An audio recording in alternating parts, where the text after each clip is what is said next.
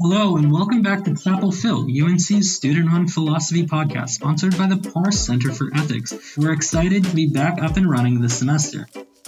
My name is Samad Rangunwala, and I'm here today with Max Azergian and Andy Jin.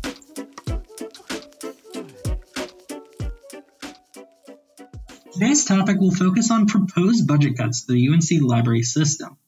Now, UNC has already been cutting the library's budget every year for about the last decade, and the new cuts will decrease the budget by 5 million over the next two fiscal years. The library plans to achieve the new budget by cutting UNC collections, decreasing access to academic journals and databases. The first thing that we want to talk about is how this is actually going to affect UNC students. Because of the previous library budget cuts, the library system is at the point where it can no longer just cut extraneous journal articles and database subscriptions that might not be necessary to the core student and research output of this university. As a result, the library has come out and said that every cut from this point forward is going to have some sort of impact whether it comes down to the research that our professors are doing or your access to an academic journal that you might need to do your policy assignment next week. The biggest way that the library is working to combat these cuts is through interlibrary loan programs with other universities like Duke, uh, NC State, and other UNC system schools. The way this would work is if you need access to a journal article, for example, you would contact the library and they would go to one of these other universities and say, hey, do you have access to this journal article? And if the library does, then they would send it over to us and we would provide access to our journals that those universities might not have in kind of like a symbiotic relationship. Um, now, the major issue that comes with this is it's going to increase the amount of time that it takes for students and professors to get access to these materials instead of the instant access that comes from something like a JSTOR subscription. It's going to take a couple of hours communicating back and forth with various librarians uh, across different universities, um, and that's going to substantially slow down or even impede access to different materials that students might and professors might need for learning. Anecdotally, has anybody been affected by this change in the library budget? Yeah, actually, in one of my policy classes uh, last week, we were supposed to read uh, an article, but unfortunately, we couldn't get it because the course reserves took too long uh, to get that interlibrary loan. So far, I haven't had any issues personally. I do know that uh, when COVID hit, there was the HathiTrust system, which allowed students access to basically PDFs of books. And that was really helpful when the libraries were closed, but starting last fall, I believe, they got rid of it. So we no longer have access to that. But I don't believe that's been related to these budget cuts. But thus far, fortunately, I have been able to survive this unscathed. Um, I'd like to shift our discussion sort of towards the more philosophical side. It's under my perspective that knowledge should be shared and not kept from individuals like students solely on the basis of money. As universities, we should prioritize keeping knowledge easily accessible to students, staff, and faculty. Human advancement historically originated from the spread of knowledge. Uh, in order to improve our society, we have to educate more and more citizens. If we're gatekeeping and making sure that only the wealthy or only the elite uh, are have access to these resources, it becomes a problem for all of society. Uh, sharing knowledge is a marker for personal and social well-being. So we don't want only the rich and powerful to have that marker. And additionally, this idea of sharing knowledge with the shared intention of mutual reciprocity and respect leads to an obligation to sharing knowledge. Um, in order to do that, we have to care as the knower and want to share and educate others, which is really, really indicative of intellectual virtue. I agree that you know knowledge is supposed to be shared, and and with it comes human advancement. Um, but I also would push back a little bit and state that you know nothing is free in society. Research for any topic requires time, and time is money. And there is also the financial costs that are associated with research. So education is unfortunately not a public good in many respects. It's something that has been privatized and does have a price tag that comes with it. So as much as I wish the university could not institute these budget cuts, they may have to and they have no choice. So, what would you say to the argument that, you know, we need to have a price tag on some things and if that means the university has to scale back on educational access, do you think that in any circumstance it's acceptable? Well, I think that's a very fair argument and point that you bring up, Max. Um, I completely understand where you're coming from. Uh, nothing is free, but we already have something similar in our lower education. We have universal K through 12 education, universal free K through 12 education. Clearly, as a society, we understand that knowledge should be shared. It calls into question why does higher education have to be kept by money? Why are we limiting it only up to the 12th grade? Uh, if we aren't sharing knowledge and we aren't prioritizing that, especially at an institution of higher learning like a university, it demeans this value of knowledge that we have and hold as a society. Uh, it's really, really important that one of the university's priorities is to share and allow as much free access to information as possible, especially given that we're paying. I agree with a lot of the points that both of you have brought up. Obviously, um, sharing knowledge is essentially it, it's the only way that we can advance as a society. But at the same time, there is this idea that this new information has to come from some sort of research, and that research needs money coming in. I, I would push back on the idea that the cost of these journals necessarily means that that this research has to be paid for in some way necessarily means that the university has to cut back on funding for the library. There are other places that if budget cuts need to be made that the university could cut from that would probably have a lower impact on students and professors, especially when it comes to the research output. I would also like to point out that UNC, because it is a major public um, research university, gets an enormous amount of funding for that research um, from the US federal government. The vast majority of the research being done here is funded by the US government. We got about a billion dollars in grants last year. Um, so, for some of our own professors to be doing research funded by the government, which in many ways is a major stakeholder in this university, and then have it published in private journals that are then kept from the very students that these professors are teaching doesn't seem equitable in any sense of the word. And I hadn't really considered that earlier that the university is denying access to journals and articles that professors at the very university at our at our university have contributed to. Uh, but I do want to pose a question to both of you: Is convenience really a matter of access? For example, if you have to go through Duke University or NC State to gain access to a journal that before UNC had access to but now doesn't because of the budget cuts, is that really an inconvenience? Sure, it may take a couple more hours, but is that better than no access at all? And is having access, albeit even if it takes a couple more hours, is that satisfactory? I think our biggest issue with that point is the idea that these universities are meant to give us access to these resources, yet they're not fulfilling their duty as those institutions. Clearly, like Samad brought up, there are other areas uh, like sports and other aspects of college life that they're spending a lot of money on, and they're not taking as big cuts. Uh, specifically for UNC, there's supposed to be seven and a half percent cut every year, university wide, but for research collections budget in particular, it was more than seven and a half. So clearly, that is on the lower end of the priority list for the university, and I think that is our biggest issue when it comes to the impact that this is actually going to have on students and professors, I think the major issue doesn't come from making people wait another couple of hours. In all honesty, the vast majority of students, at least those who know about it and need to access a universe, uh, access a paper that they don't have access to, are going to go through the multitude of sites.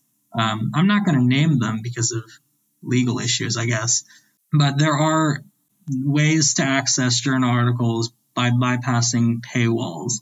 And the problem is, many of those ways use stolen passwords or institutional logins, and that denies the publishers of these papers the money that they do need in order to continue publishing.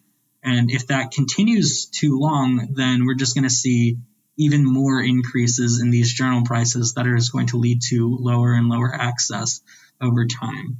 Um, and when it comes to professors, the issue is a little bit more stark. professor tweeted out that if he doesn't have access to one of the journals he needs for his labs, he's going to have to uh, going out, go out of his own pocket and buy subscriptions for that journal. It's the only way that his lab can continue to function. And in that way, the university is pushing the burden from a multi billion dollar endowed university onto one of its professors.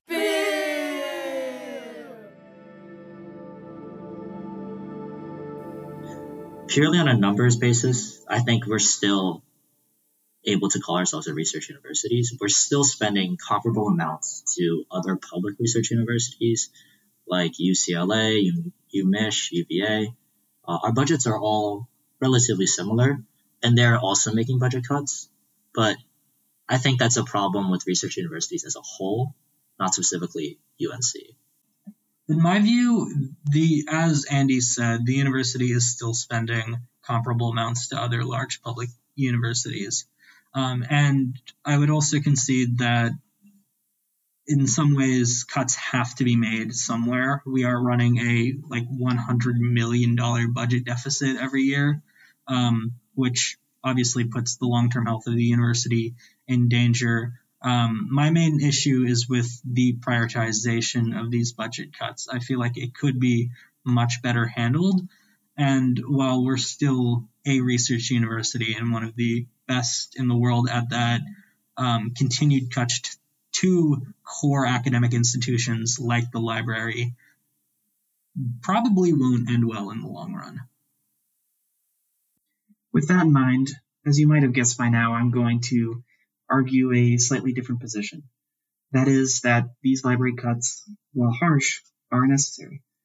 In order to do that, I would approach this problem from the utilitarian perspective.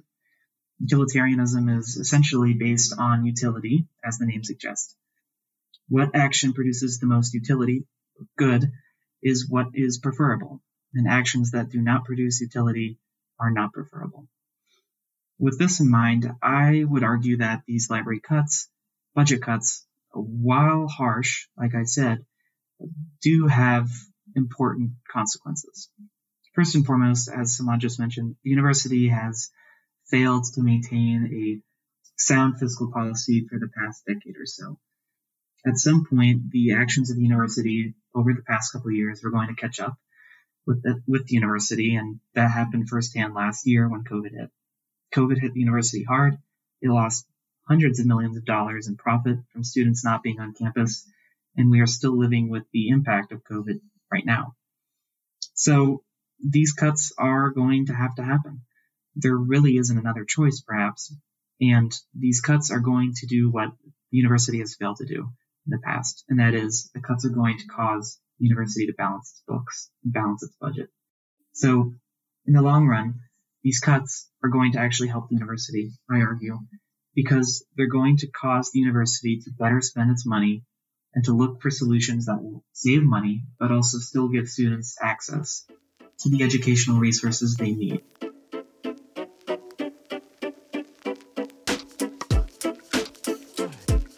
To focus on that word better. Um, in the utilitarian aspect, better is solely based on value and uh, how much value that this decision is going to bring about. Personally, I think the value of signaling to our staff, faculty, and students that their access to academic resources is lower than other aspects of their college life is problematic. As a university, I think their one of their top priorities, along with mental health, is students' education uh, over many other factors to be honest, I think their education is more important than spending extra money to get Chick fil A at the bottom of Lenoir or spending extra money on building a brand new gaming arena. I think education at university is far more important. As a Craige resident, I am going to push back on the idea that the gaming arena is not integral to the university experience. Um, but yeah, I, I generally agree with what Andy is saying. Although I do see where Max is coming from. The budget cuts are clearly necessary. Um, as I've argued before, the prioritization of those cuts is mainly where this where my issue comes from. And I think from a utilitarian perspective, when we're looking at how institutions make utilitarian decisions, it's not a binary where it is cut the library or don't cut anything at all. There are different areas that could be cut, um, different institutions that could take different amounts of those cuts. And depending on how the university decide to allocate that, it would have obviously have different impacts. Um, in some situations, I feel would be better for students if cuts do have to happen. That said, I do think going beyond just the university, the state of North Carolina currently faces a $6 billion um, revenue surplus.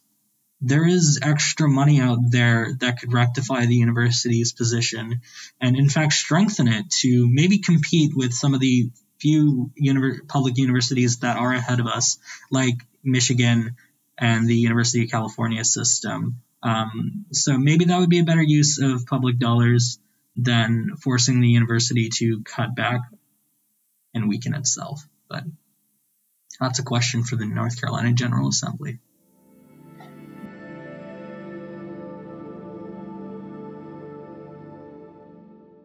A lot of this stuff is outside of the hands of the university.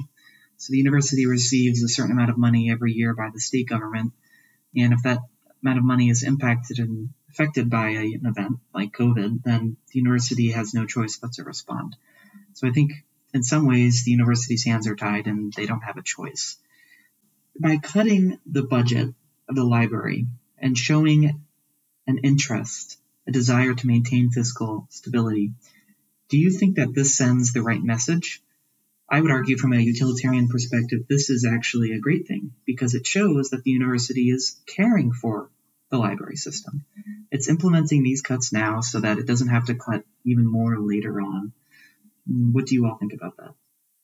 In terms of the signaling, I feel like that could have been better handled um, from the university side in the messaging going forward. But I do see where you're coming from, and I think um, in the long run, this could have benefits on the on the library, but the academic environment as a whole. Um, if UNC, a major university, goes to JSTOR and some of these other major databases and says, hey, we cannot afford to pay the prices that you're charging, that could incentivize some of these companies to maybe start reducing their prices, reducing their profit margins, even um, in order to allow more universities to have access to more knowledge. It might take a concerted effort uh, on the behalf of both like UNC and some other major universities in order to actually force that change.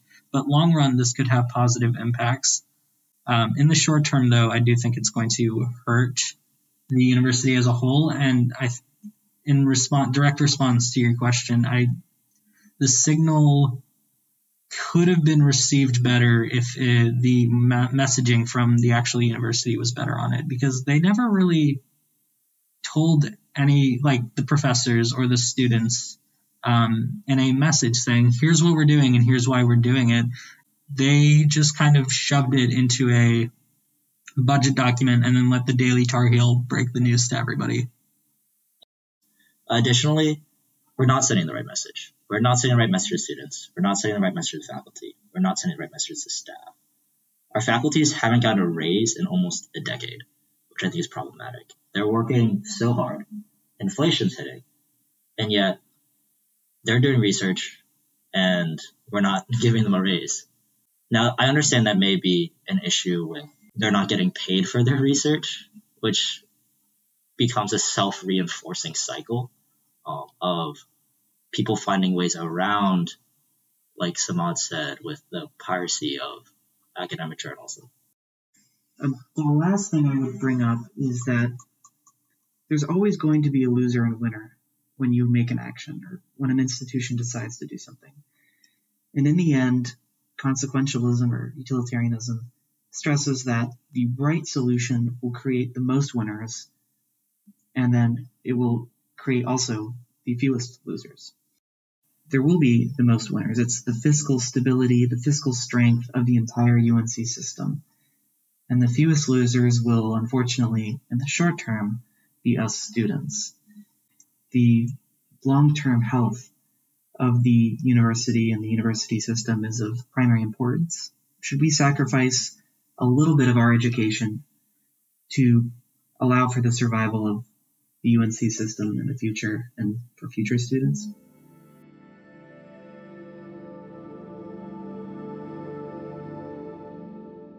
Well, ideally, I think that'd be amazing um, if we have the right solution that will make sure that as a whole UNC education system, we balance our budget sheet and the budget cuts are only temporary.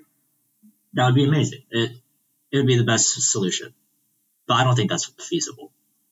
We're asking our students and our faculty to suffer more because of UNC's past mistakes. It seems like UNC is just winning over and over and over again. At what time will that cycle stop and UNC put their students and faculty first?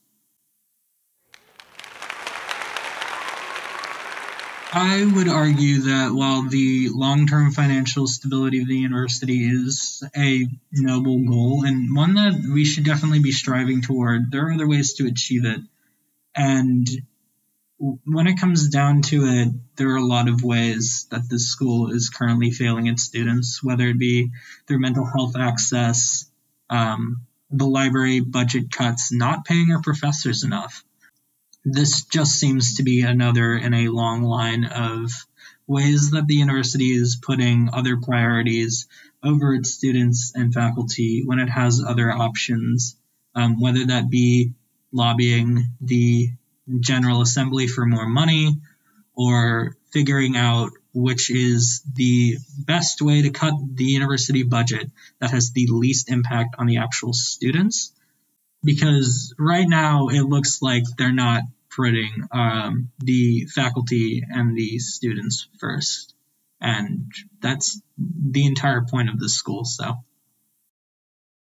I like to bring up rule utilitarianism, uh, in which you still determine the value of acts based on uh, the utility that they bring. Under rule utilitarianism, you follow certain guiding principles and rules. Uh, one of those for university could be prioritizing students' education, livelihood, and well-being.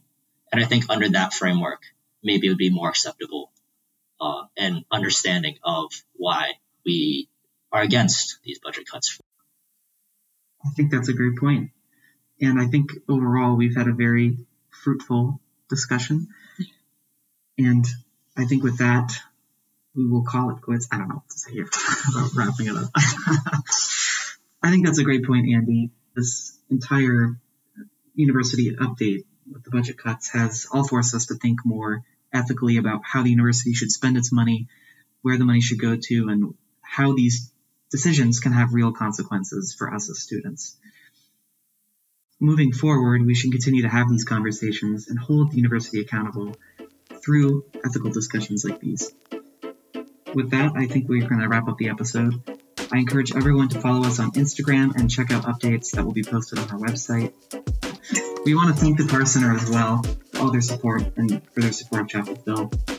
And stay tuned for there are many more podcasts to come.